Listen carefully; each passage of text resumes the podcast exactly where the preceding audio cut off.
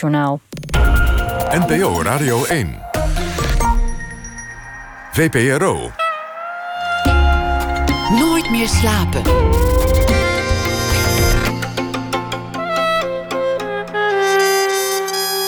Met Pieter van der Wielen. Goedenacht en welkom bij Nooit meer slapen. De totale schok en woede over het bombardement op de Spaanse stad Guernica zette Pablo Picasso in 1937 aan tot het schilderen van zijn meesterwerk, misschien wel het bekendste kunstwerk van de 20e eeuw, Guernica.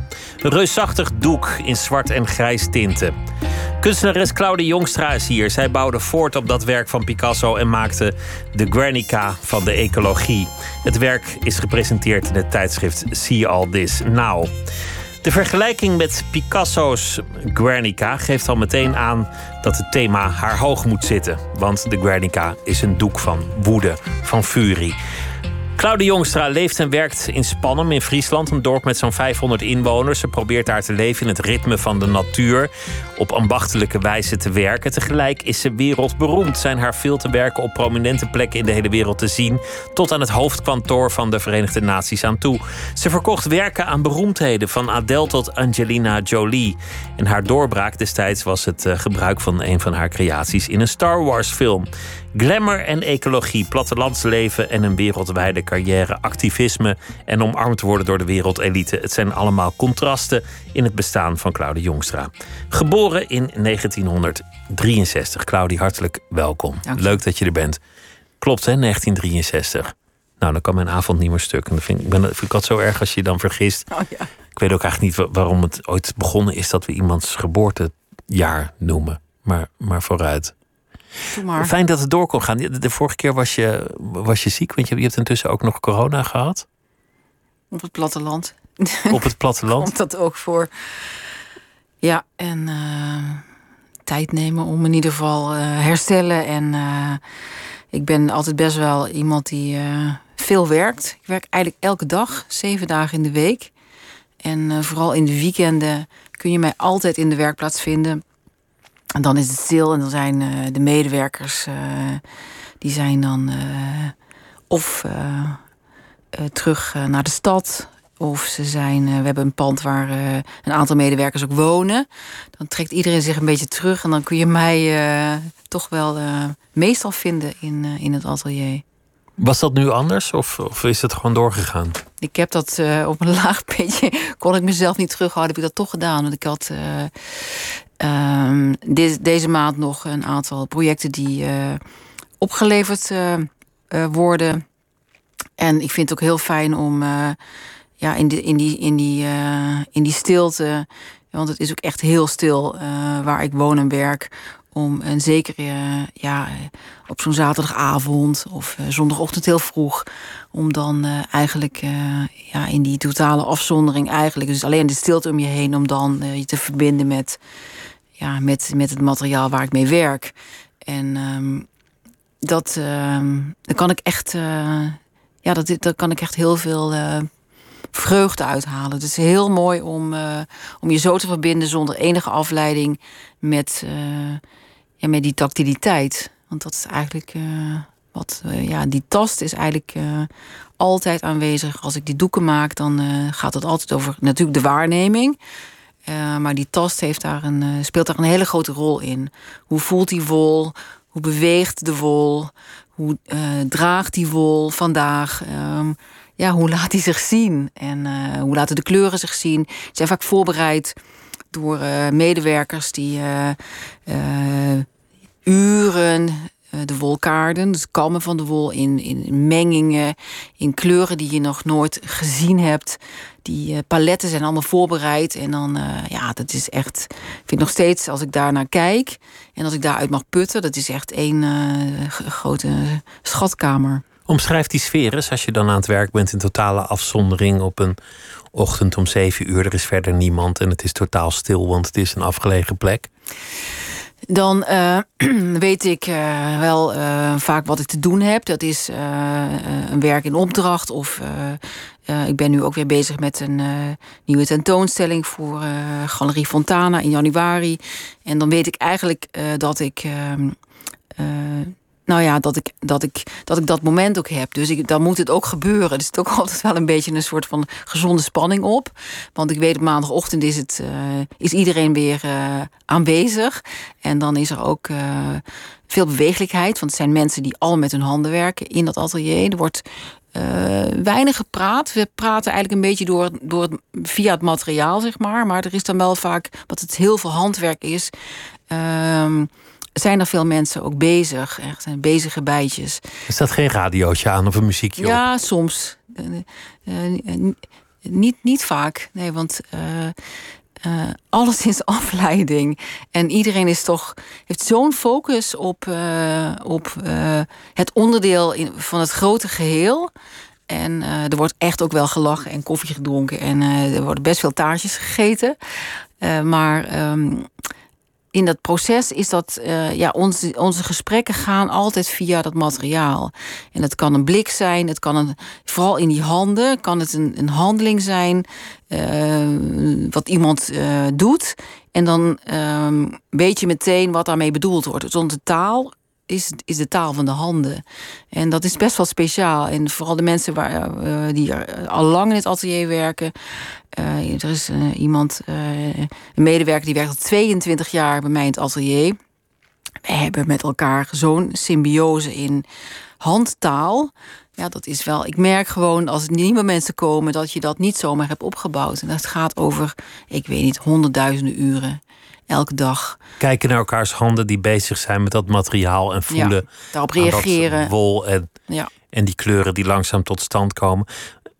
Wat een contrast eigenlijk in jouw leven. Aan de ene kant wil je afgezonderd zijn, geniet je van die stilte, ben je het liefst alleen aan het werk in dat atelier of met medewerkers met handen die zwijgen. Ja. En aan de andere kant kom, kom je bij de grote der aarde over de vloer, machtige instituten, rijke, beroemde mensen glamoureuze openingen.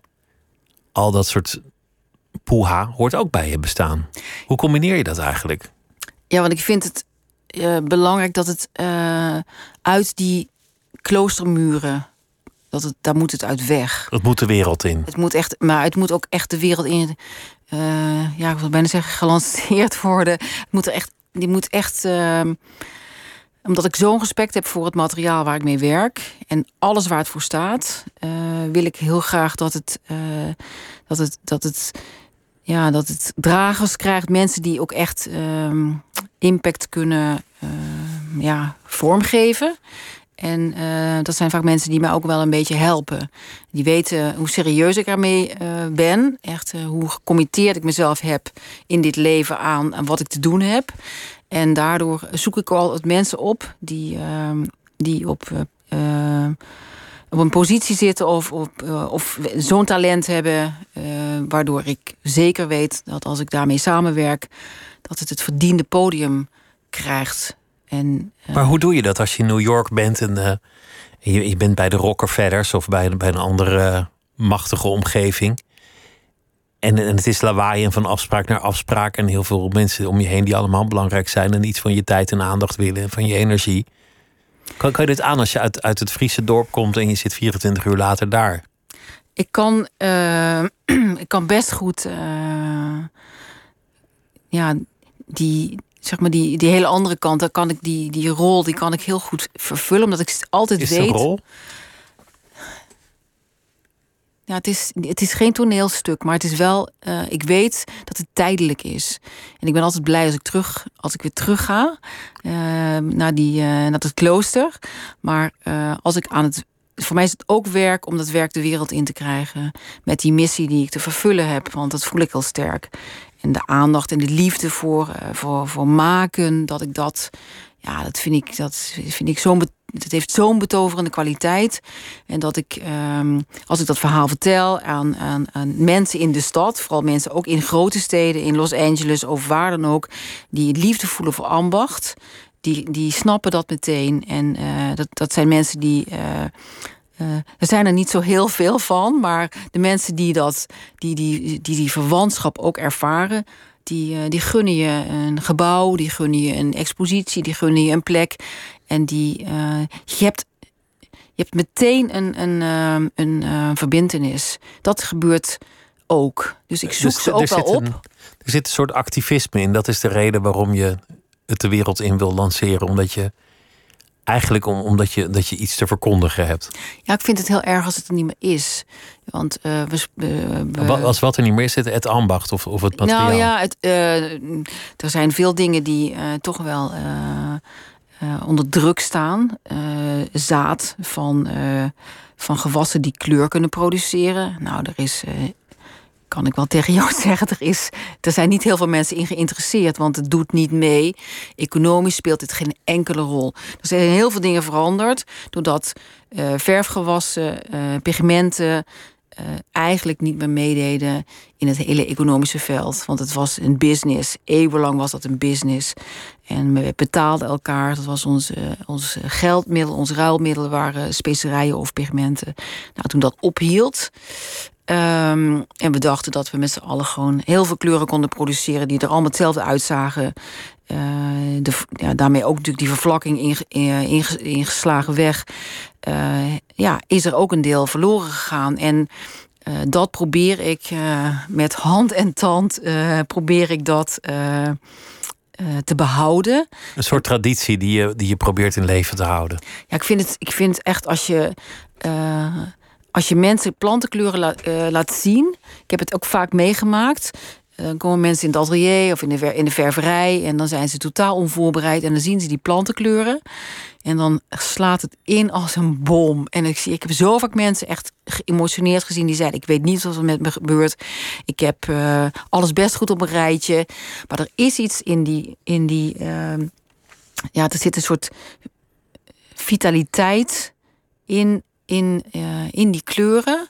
Uh, dat, dat als je daar gevoelig voor bent, dan, uh, en dat zijn heel veel mensen, dan, dan weet je zeker dat je dit niet vaak gezien hebt en dan raakt het je. En uh, die kleuren vergeet je ook niet. Want die, die, die, die hebben zo'n ontzettende gelaagdheid.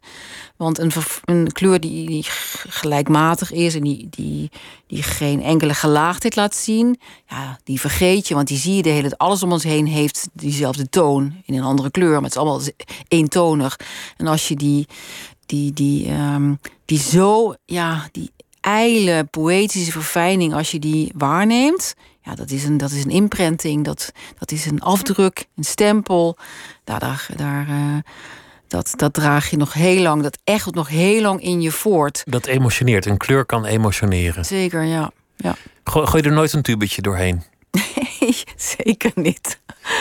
Uh, het is wel heel mooi om, uh, om uh, bijvoorbeeld ja, te spelen met oververvingen en echt de alchemist uit te hangen op zaterdagmiddag. Ja, daar word, dat is wel, ja, dat doe ik op zaterdagmiddag. en praten met wetenschappers over recepten uit, uit lang vervlogen tijden. En dat is echt, als je dan in die wereld duikt en als je daar een soort van ja, uh, nieuwsgierigheid voor voelt opkomen. Dat je denkt, wauw, weet je, je ziet dat hele beeld voor je. Ik ben best wel beeldend, zeg maar. Um, dat, is mijn, dat is de taal waarin ik denk en handel. Uh, dan uh, kun je je helemaal zo'n maatschappij voorstellen hoe zich dat allemaal afspeelde. En dat mensen een beetje achter elkaar aanscharrelden. En in, in, die potten met allerlei ja, alchemistische kokende en, en geurende pannen op die, uh, op die werkvloer, als dat staat uh, te pruttelen en er komt een soort goud uit. En je denkt, uh, ja, dit, dit wil je iedereen laten zien. wil je elk kind van, van vijf, zes jaar wil je dat laten zien. Hoe een kleur gemaakt kan worden. Ja. Je zou de hele kunstgeschiedenis, vast al een keer gedaan, de kunstgeschiedenis opnieuw beschrijven vanuit kleur. de verf, vanuit een kleur. Mm. Nou ja, vast alles gebeurd. Ik, ik sprak een keer een schapenhoeder en, en toen, toen, toen maakte ik zo'n opmerking van. Uh, die maakte kaassekken en dan kan je ook een mooie trui breien aan het eind van het jaar. En die zei: Dat doen we helemaal niet. Dat, dat wordt bij de meeste schapenhouders gewoon in de fik gestoken, die wol. De tragiek van, uh, van uh, ook het, ja, de, dat we niet meer weten dat wol ons warm houdt in de winter en koel in de zomer. Want dan zou je zeggen, nou ja, dat is het mooiste materiaal van de wereld. Of dat we onze huizen ermee kunnen isoleren. Maar uh, dat, de onwetendheid heeft denk ik ook al heel veel uh, ja, kapot gemaakt, verloren laten gaan. Dus er is een prachtig materiaal. Dat komt elk jaar vanzelf terug. Het groeit natuurlijk. Uh, en uh, ja, daar gaat, ik meen, 1,5 miljoen ton per jaar gewoon in de hand. In Nederland alleen al. Maar ik krijg heel veel e-mails van mensen uit verre oorden. Is, het, is, een mondiaal probleem dat wol van inheemse schapen... dat die ehm, dat we daar geen verwerking meer voor hebben. Dus we kunnen dan, we, hebben gewoon de hele industrie. Dat we dus dat verwerken tot een materiaal, dat is gewoon weg. Want uh, het bestaat niet meer het spinnen van een draad. In Nederland heeft geen enkele spinverwerking meer. Als je een draadje wil van wol, dan moet je naar Ierland of Denemarken. En dan moet je een jaar op een draad wachten. Dus dat is echt. Ehm, dat is een feit. Dat is gewoon echt een realiteit. En dat is jammer dat, dat zulke tradities verloren gaan of dat dat lokale eraf gaat. Ja, en dat je eigenlijk uh, iets wat uh, van een uh, vanzelfsprekende aanwezigheid en echt een kostbaar, want we hebben dat ooit, was dat ook een ruilmiddel, want het was het enige wat ons warm hield in de middeleeuwen, was wol, hebben we eigenlijk dat nemen we aan voor uh, vanzelfsprekend. En we, we, hechten daar helemaal geen uh, uh, waarde meer aan. Ja, dat vind ik heel erg, dat we die waarde gewoon vergeten. Hoe fijn het is, of belangrijk het is, of dat je iets verzint dat, je, dat we dat, dat, we dat als isolatiemateriaal gewoon gaan gebruiken. En dat we niet alle hele slimme dingen hoeven te bedenken. Ja, circulariteit, de kranten staan er bol van. En, maar wat betekent het nou eigenlijk? Nou, als je naar buiten kijkt en ziet wat er wat er nog te gebruiken valt, ja, dan kom je ook een heel eind. Uh, dus, um... Wat ben je meer in je eigen perceptie, kunstenaar of, of activist? Ja, ik, ik uh, heb eigenlijk dat activisme, dat is, eigenlijk, dat is me eigenlijk een beetje in, uh, hoe zeg je dat, in de schoot geworpen. Ik was in Amerika veel en ik daar, gaf daar veel lezingen en uh, werd ik daar nu op, een gegeven moment werd ik daar een beetje zo als activist aangekondigd. Want ze houden wel een beetje van uh, nou ja, felheid en uh, dingen benoemen. En vooral ook de zorgen voor het landschap. En um, ja, dat heb ik toen een beetje meegenomen in Nederland. En dacht ik, nou ja, eens kijken wat er gebeurt. Toen ik dat onder mijn kunstenaarschapstitel ging plakken.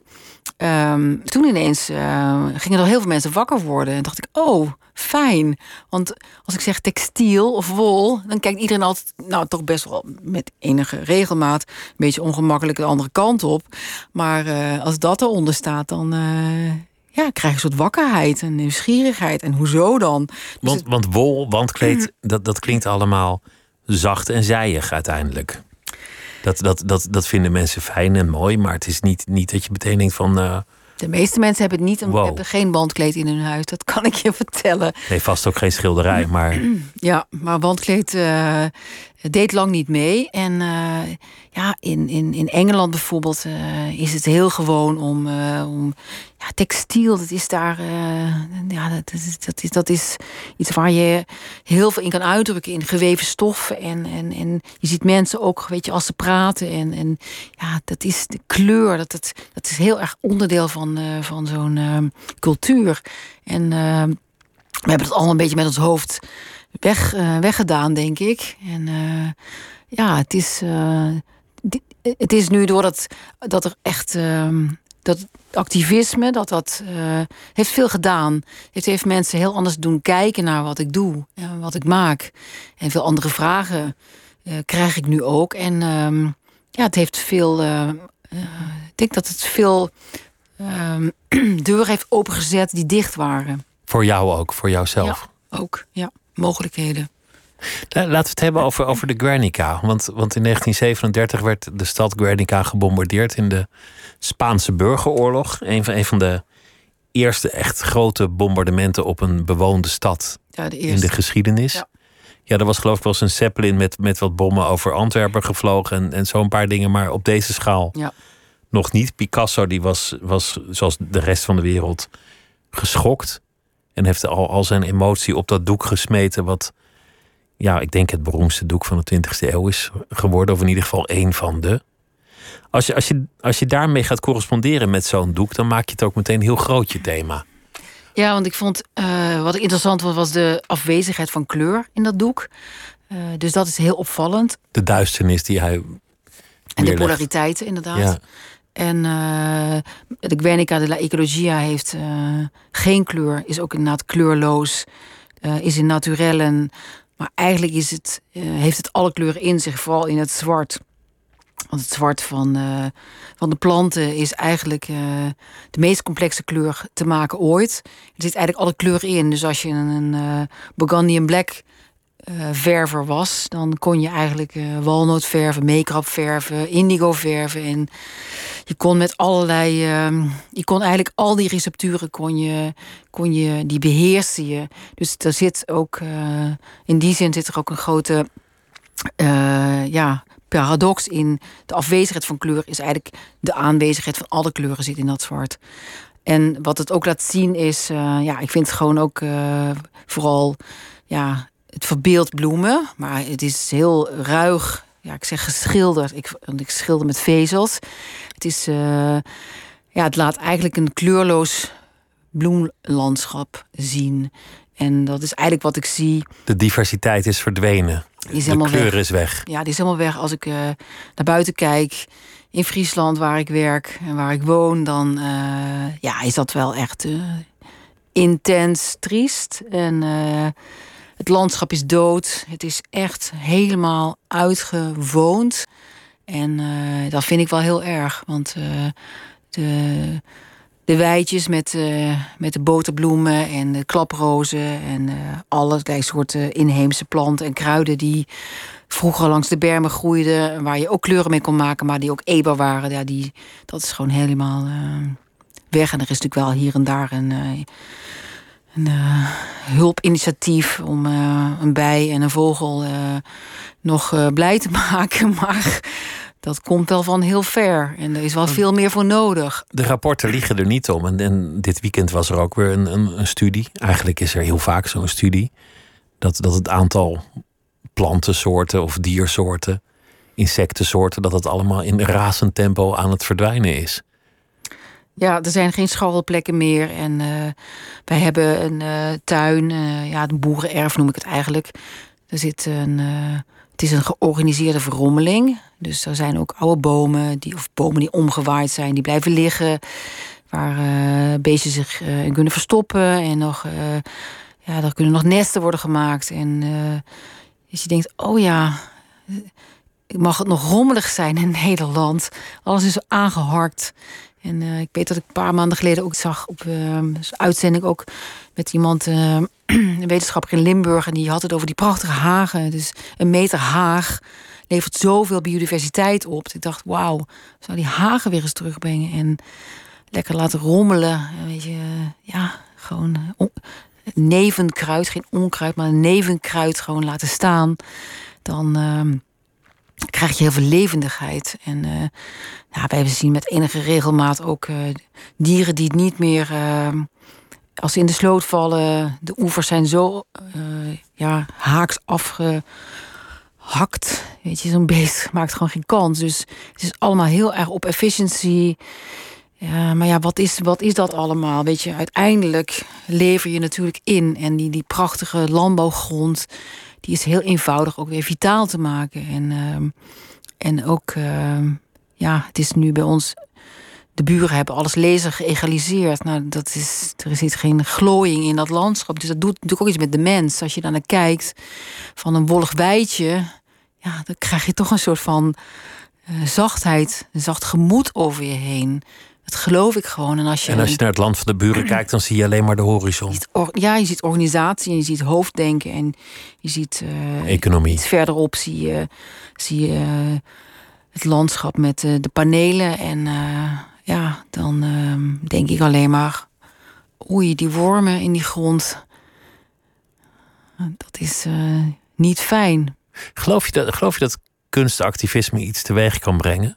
Want, want er zit ook weer toch dat, dat contrast in van dat je je zorgen maakt om de natuur en dan het, het werk brengt naar de, de plekken waar, nou ja, laten, laten we eerlijk zijn, de elite komt en dan met een glas uh, witte wijn of champagne er naar kijkt en zegt wat een, wat een prachtige kleur wat ontroerend. Maar het is wel de macht. En de macht wordt een soort van door bevestigd of bestendigd.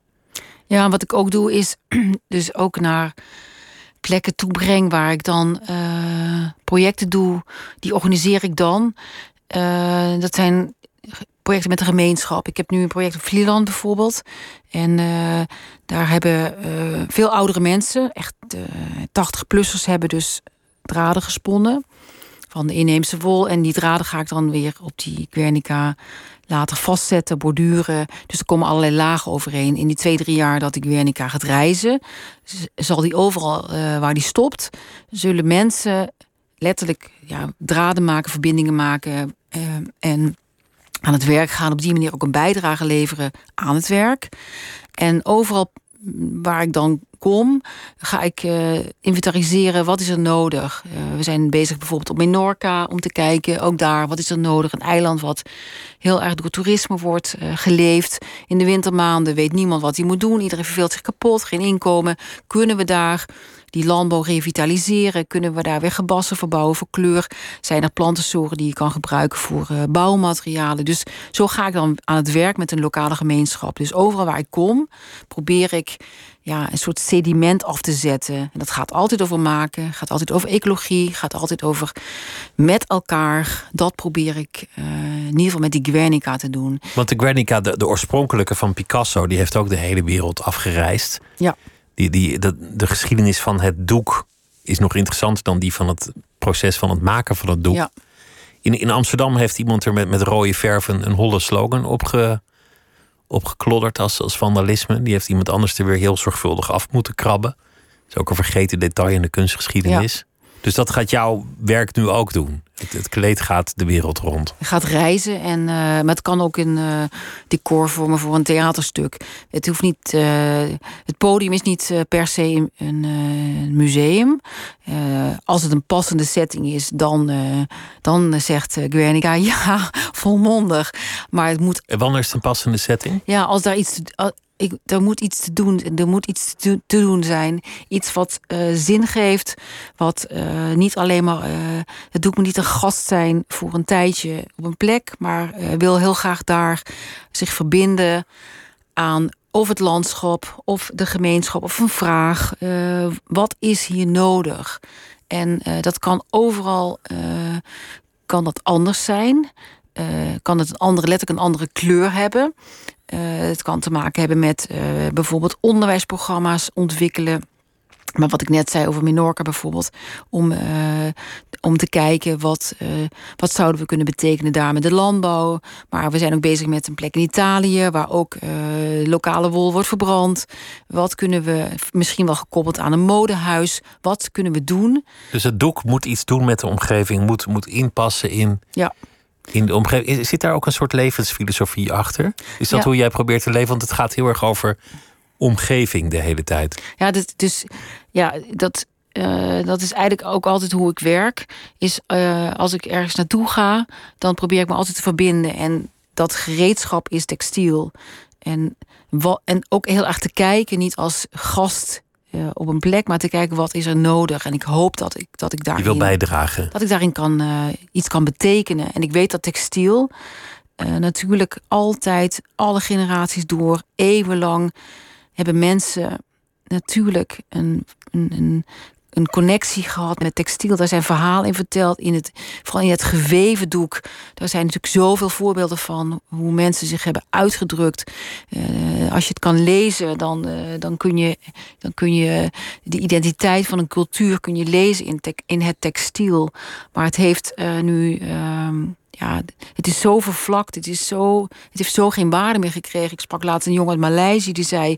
als ik vertel, hij zat op de kunstacademie in Den Haag... en zei, als ik aan mijn... Uh, mijn uh, dorpsgenoten vertel wat ik doe en iedereen weet dat ik in de textiel ga werken, dan ja, dat is bijna de, de, de onderkasten. Want textiel, ja, dat, dat, was vroeger iets wat we tijdens rituelen uh, beschilderden en waar we heel veel belangrijkheid aan hechten. En dat is helemaal weg. En ze zei, nou ja, doordat ik zie wat jullie doen en dat jullie textiel weer ja, toch die appreciatie. Je voelt gewoon respect. En je voelt gewoon ook de. ja, de, letterlijk het, het gereedschap tot verbinding. iedereen herkent dat ook nog. Uh, ja, dan, dan kun je daar toch op een hele andere manier naar kijken. Dus het wakker maken ook van, van, uh, van bijvoorbeeld zo'n zo'n blik van zo'n jongen op, op zijn geschiedenis en ook waar textiel nu voor staat. Ja, dan, dan denk ik, ja, dat, dat is het dus te doen. Want wat, wat je noemt het, kan ik iets betekenen? Dat is, dat is wel mooi, want dan gaat het over betekenis. Mm -hmm. Dat verliest dus textiel. Dat heeft dan op veel plekken geen betekenis meer tradities die weggaan. Dat is ook, heeft geen betekenis. Biodiversiteit, het gaat allemaal over betekenis. Het is natuurlijk uiteindelijk wat, wat iedereen in zijn bestaan zoekt. Ja. Betekenis. Een, een bestaan zonder betekenis, dat, dat, dat lijkt me een, een lange zit. Het is heel fijn. Nou ja, ik heb gezien wat het. Ik zie het trouwens elke dag wat het, uh, wat het met mensen doet als je zinvol. Nou ja, wat is zinvol? Uh, als, je als je bezig bent en als je onderdeel uitmaakt van een groter geheel. Um, wij hebben, we doen vrij veel onderwijs en bijvoorbeeld morgen krijgen we een klas. Uh, nou, dat heet dan entree. Ja, dat zijn mensen die hebben vaak heel lang in, een asielzoekerscentrum gezeten. Die zijn dan aan het inburgeren. Ik denk altijd. Uh, word alsjeblieft niet zoals wij, maar blijf vooral jezelf en laat ons zien wat wij van jullie kunnen leren. Want dat vind ik ook altijd heel erg uh, interessant. Uh, Zo'n groep komt dan bij ons en dan gaan we met textiel zeg maar aan, gaan we aan het werk. En dan zie je eigenlijk heel snel dat er iets wordt aangeraakt, zo'n soort mondiaal textiel-DNA, wordt meteen wakker gemaakt bij al die culturen zie je gewoon dat mensen daar meteen van gaan glanzen. Van, dat geeft toch uh, ja, dat, dat die herkenning en uh, dat, het, dat het gezien wordt, dat het ertoe doet. En dat je iets kan maken. En na een dag heb je ook nou, letterlijk je, een proces van maken. Dat zie je onder je handen gebeuren. Dat is niet abstract. En dat geeft gewoon voldoening. Dat vinden mensen toch ik bedoel, ik weet zelf als je iets maakt dat dat heel fijn is. Van jong tot oud, iets maken. Uh, en dat, hoeft niet goed, dat is niet goed of slecht, maar het is, het is altijd belangrijk. Het geeft meteen zin aan je, aan je bestaan. Hoe vind, hoe vind je dat jouw werk hangt op, op plekken van de macht? Want nu is de blik vaak gericht op het katshuis bijvoorbeeld, waar ze ja. al die fantastische maatregelen bedenken. Daar hangt, daar hangt werk van jou volgens mij nog steeds.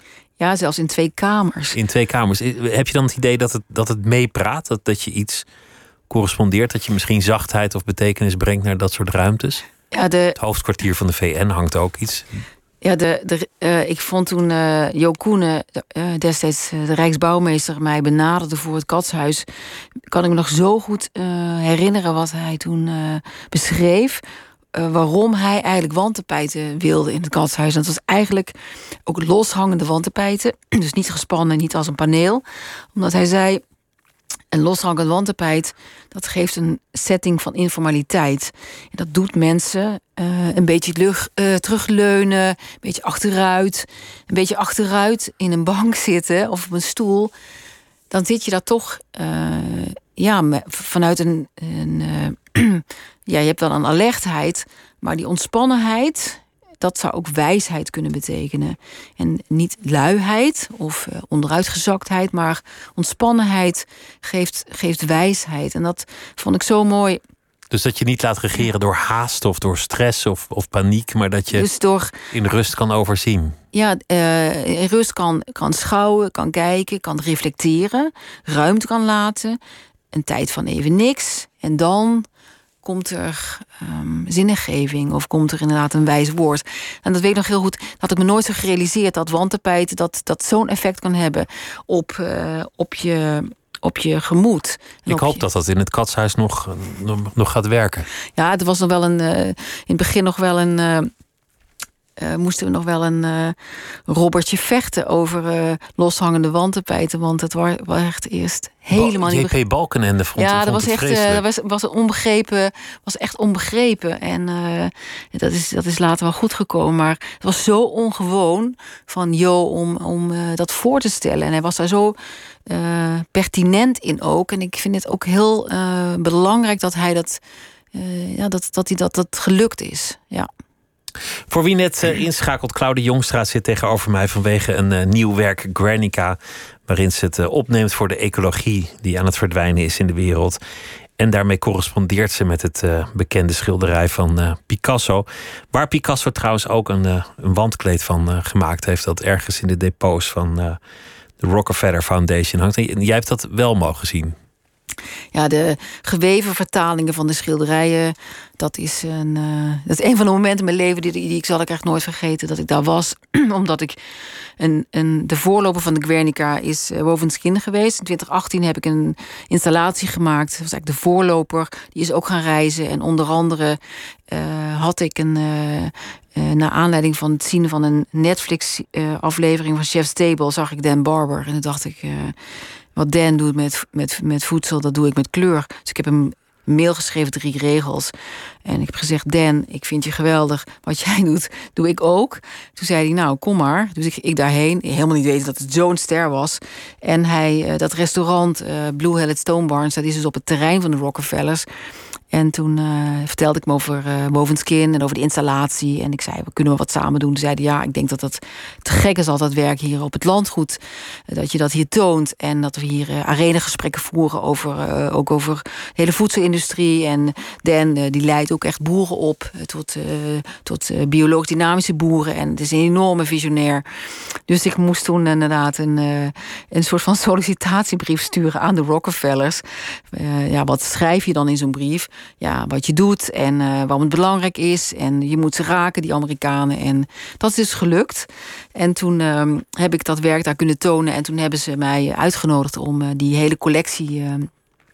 die mocht ik zien in dat museum. En ja, ik vond het zo waanzinnig om over die logboeken, de, de weefrecepten van, van de Franse wevers. Ik begreep helemaal wat er stond. Ik begreep het proces van jaren. al die toetsingen en al die bindingen en al die kleuren en die recepturen. En nou, dat was echt een ja, zoals in de Lakenhal ook uh, de, stalen, ja, de stalen boeken nog steeds in, die, in die kluizen liggen. Nou, dat was echt gewoon echt waanzinnig. Dus dat is een moment geweest wat ik dacht, ja, hier komt alles bij samen. Wonderlijk, een van de grootste collecties ter wereld. En ja. dat, dat is gewoon in een soort kluis. Ja, ondergronds. Een beetje mysterieus. Ja. Hoe, is het eigenlijk in, in jouw leven gegaan? Want, want je bent geboren in Limburg, opgegroeid in Tilburg. Nee, Roermond. Roermond ben je opgegroeid. En toen ben je, toen ben je naar de academie gegaan? Ik ben Roermond geboren, uh, echt middelbare school gewoond. Toen ben ik naar Utrecht vertrokken, kunstacademie. En toen heb ik uh, lang een atelier in Amsterdam gehad. En uh, daar heb ik een hele fijne tijd gehad. En een ja, hele fijne plek, gevoelig voor plekken. In een pakhuis waar handel werd gedreven.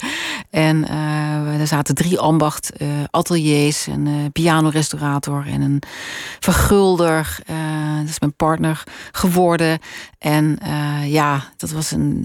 Als je daar binnenkwam, daar is ook de hele wereld. Er is ook de jetset is daar geweest. Dat, dat was echt uh, terug in de tijd. Echt eeuwen terug. Ambachten. op een ja, midden in hartje Amsterdam heb ik daar tien jaar mijn ja, het is het begin geweest van, mijn, van, mijn, van, ja, van wat ik te doen had van mijn atelier. En uh, werd snel te klein. En toen uh, de plek in Friesland gevonden. Heel lang heen en weer gereden, elke dag. En dan uh, een paar dagen ook in Amsterdam blijven.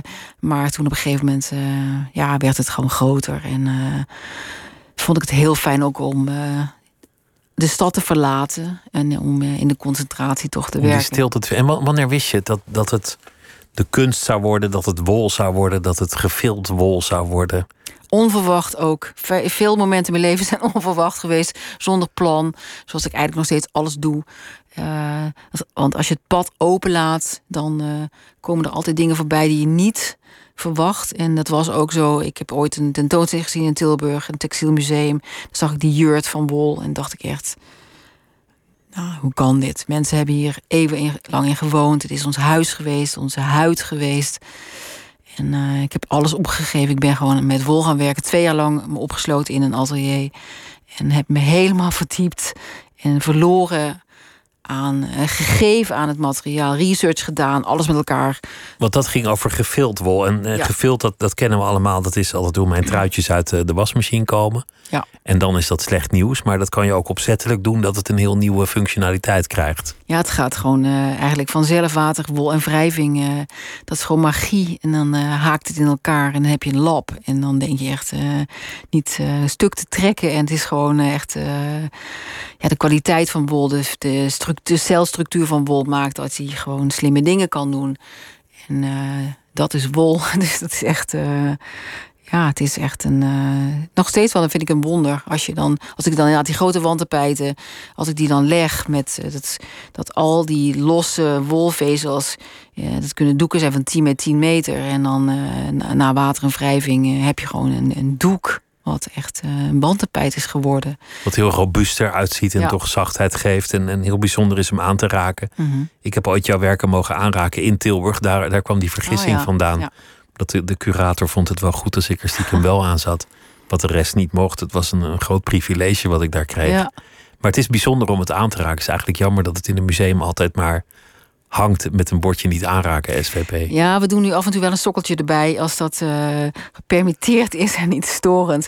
Met een, inderdaad een, uh, dat mensen ook inderdaad die sensatie kunnen ervaren van, uh, van die tast.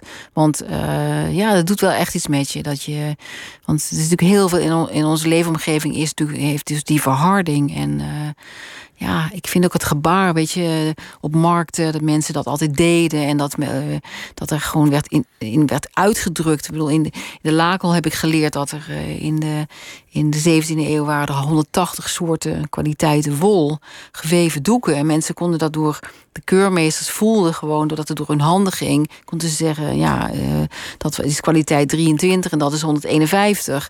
Dat vind ik echt, dat er zo'n geheugen zit in je spier, in je handgeheugen. Uh, dat dat zich zo heeft getraind dat je dus dat gewoon kan uh, definiëren. En toen, toen kwam de, de nieuwe techniek op vanuit Engeland. En toen dacht de Leyenaar, ach, dat zal geen vaart lopen... want mensen zullen toch altijd kwaliteit willen... dus wij blijven bij het oude. En dat was de ineenstorting van de, van de lakenindustrie ja. uiteindelijk. Ja.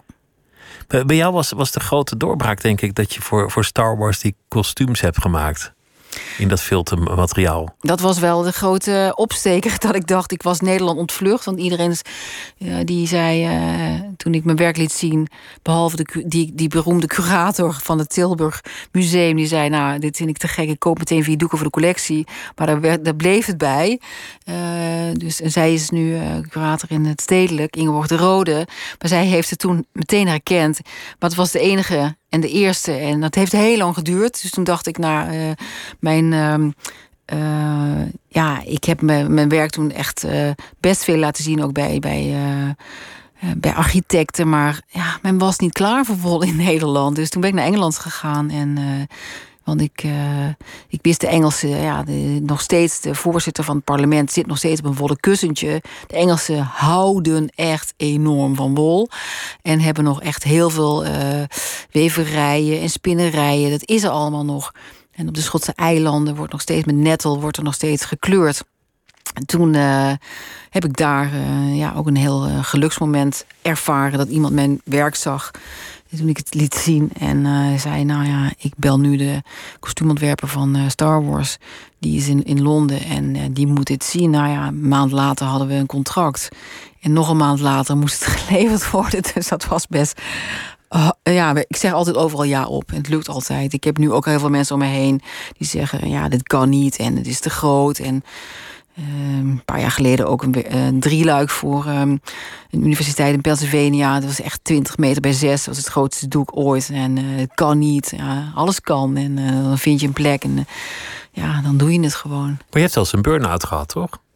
Ja, dat is dan toch wel, denk ik nu terugkijkend dat ik wel veel van mezelf vraag. Ook heel ambitieus ben in wat ik doe. Dat het altijd heel goed moet zijn. En toch een bepaald perfectionisme. En ja, dat uh, de wereld uh, ja, kan ook te veel zijn. En de, de wereld, de druk van, van die wereld, waar ik toen in, in was, in die museale context. En ook al die, die, die, die ja, je laten zien. Ja, ik laat mezelf dan toch liever niet zoveel zien, denk ik dan. Dus dan heb je toch die stilte nodig. En als je die niet genoeg geeft aan jezelf, dan kan het te veel zijn. Ja, kan het te veel zijn.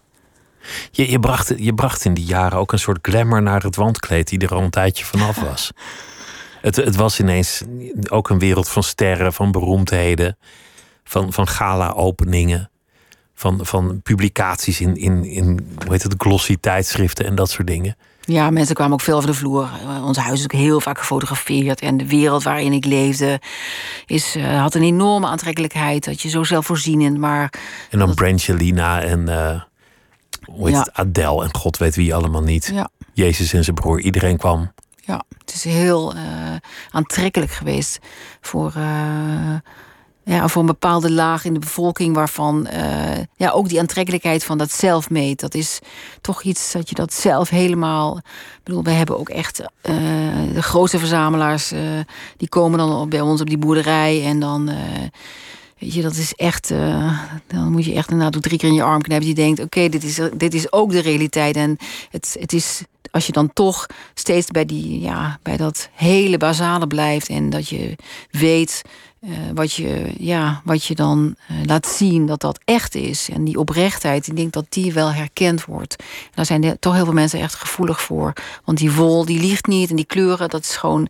Uh, die alchemie van die pannen, dat is wat het is. En er zit niks, er zit geen cosmetische laag overheen.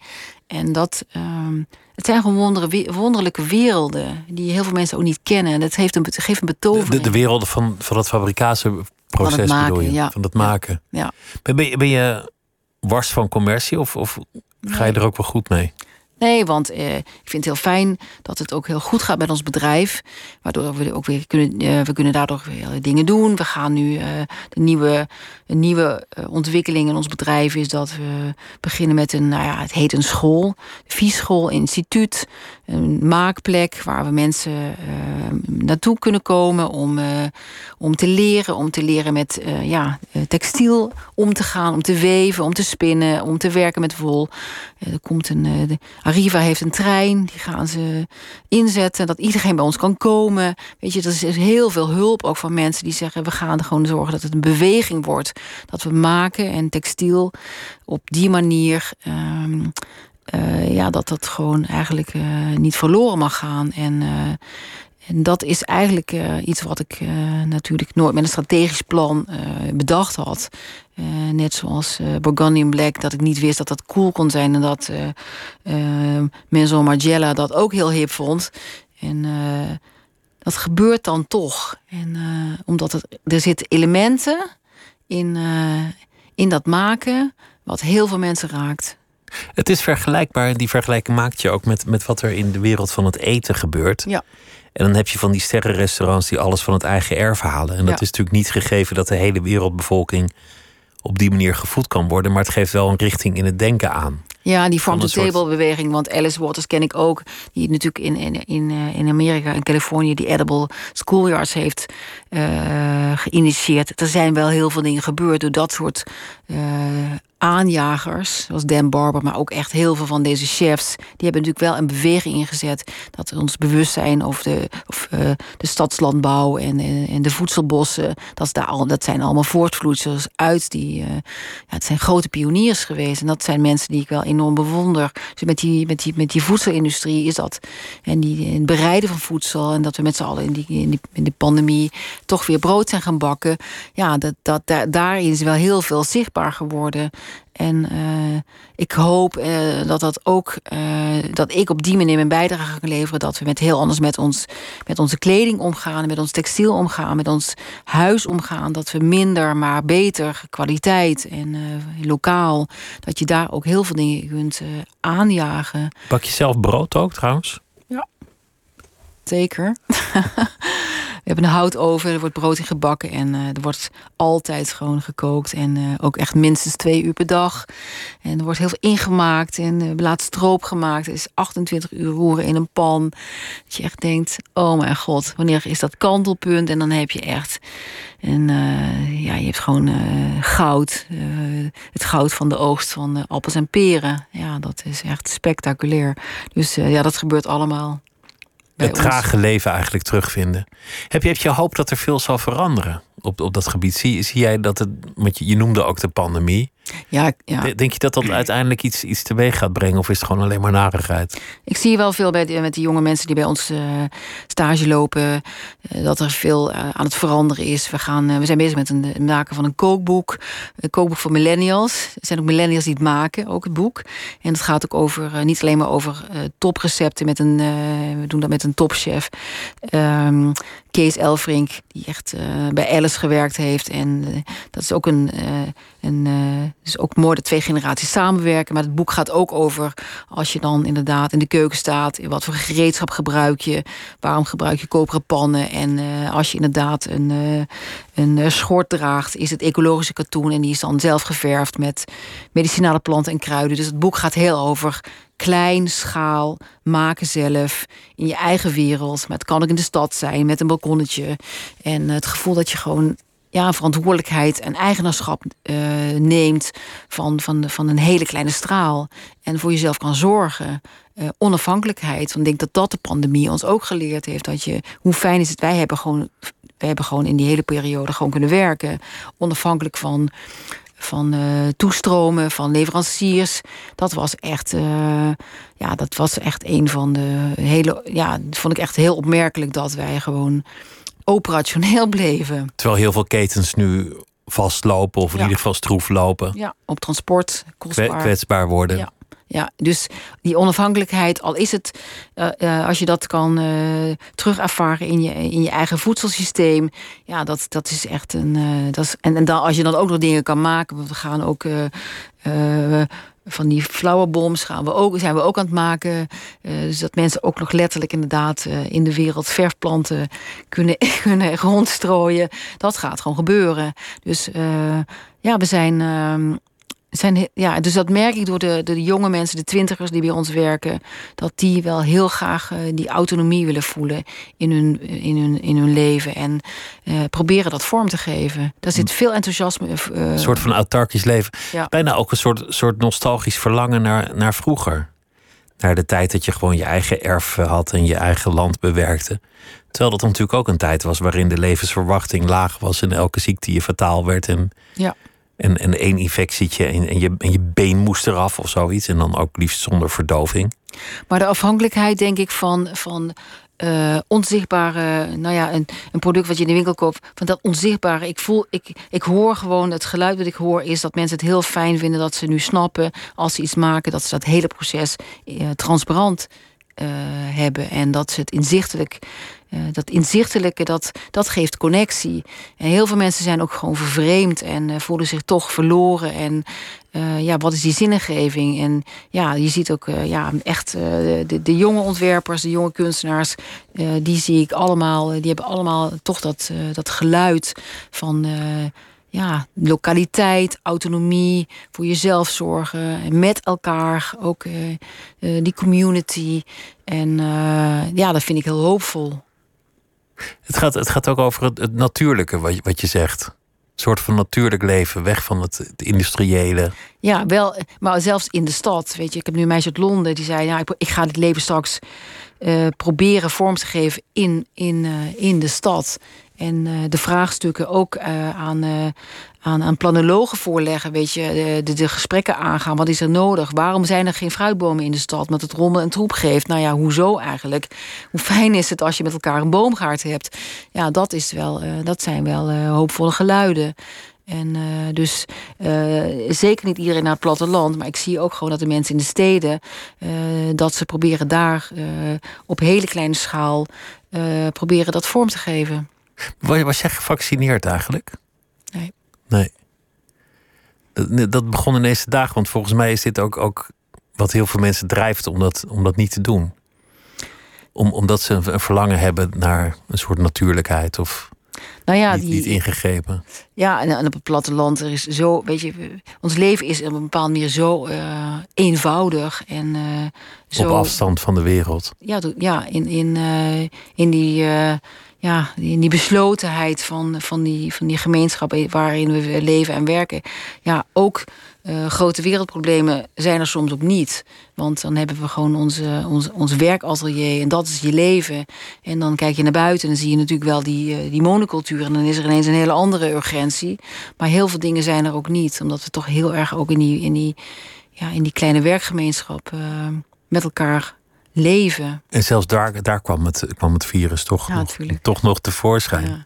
Maar het, het, is ook een, ook een verlangen om, om in, soort, in een soort verstilling je af te sluiten van het gekrakeel van de wereld. Het is ook heel fijn, niet om, om het te onttrekken aan mijn verantwoordelijkheid, maar ook uh, om juist uh, in die kracht te blijven in wat ik te doen heb. Uh, heb ik het nodig om in die afzondering uh, juist een sterk geluid te ontwikkelen en plannen te maken en met mensen inderdaad uh, projecten te ontwikkelen en verder te dragen en groter te maken in, in die concentratie. Het is een mooi contrast. Aan de ene kant zoeken naar afzondering van de wereld en aan de andere kant de wereld willen veranderen en lawaai willen maken. Ja. Het zijn eigenlijk twee tegengestelde bewegingen die in, jou, in jouw leven zich afspelen. Want het een kan niet zonder het ander. Ik, uh, ik kan het werk niet in afzondering maken en hopen dat het ergens terecht komt. Ik wil heel graag dat het uh, heel krachtig uh, wordt neergezet. En dat ik daarin een, ja, en dat er een beweging op gang komt. Een beweging met besef voor ecologie, met besef voor en respect voor, voor, voor je medemens. En het maken dat we met elkaar weer hele mooie dingen kunnen maken. Wanneer ben je tevreden? Stel, stel de, de, de, grote dag komt dat je heel terloops uit het leven wegglipt op uh, 100-jarige leeftijd. En je hebt nog even één minuut om om te kijken. Hoe, hoe, hoe zou je dan om willen kijken? Ja, ik wat, denk, zou, wat zou je dan willen, willen ja, zien? Ja, ik denk als je dan overal uh, de mensen die bij ons uh, een tijdje hebben, nou ja, een bladzijde hebben geschreven in het grote boek. Uh, als je die dan weer ziet in hun eigen land terug, dat ze daar begonnen zijn met die, ja, die, die settlements. En dat hebben we nu ook best wel veel ook gezien. Mensen beginnen kleinschalig, een ververijtje. En we, we koppelen dat aan onderwijs, aan een lokale school. En dan krijg je heel veel van dat soort zaadjes die je plant. ja, dat vind ik een heel mooi beeld. Dat je een zaadje hebt geplant en dat het misschien ergens een boom is geworden. Ja. Of Ja. dat je gedachten voortleven in iemand die je ontmoet hebt. Ja, zeker. Dus, dus uiteindelijk is de, de zin van het bestaan betekenis. En betekenis komt via de anderen. Ja. En de liefde voor de natuur en het materiaal. Ik wens je heel veel eh, plezier en heel veel succes.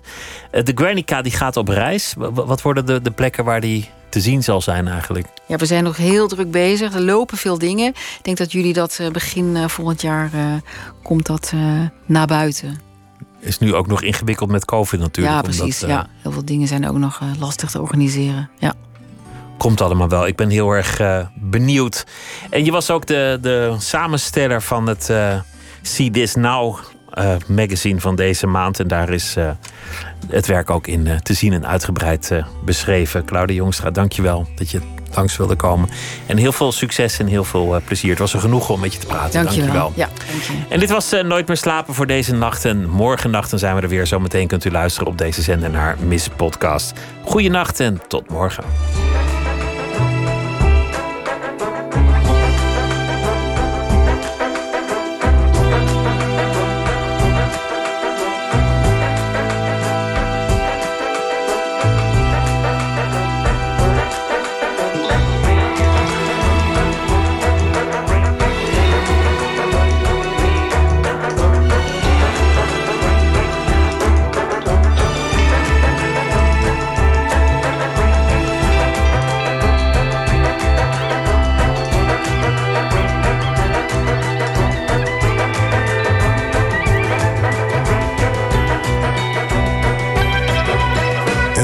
Radio 1.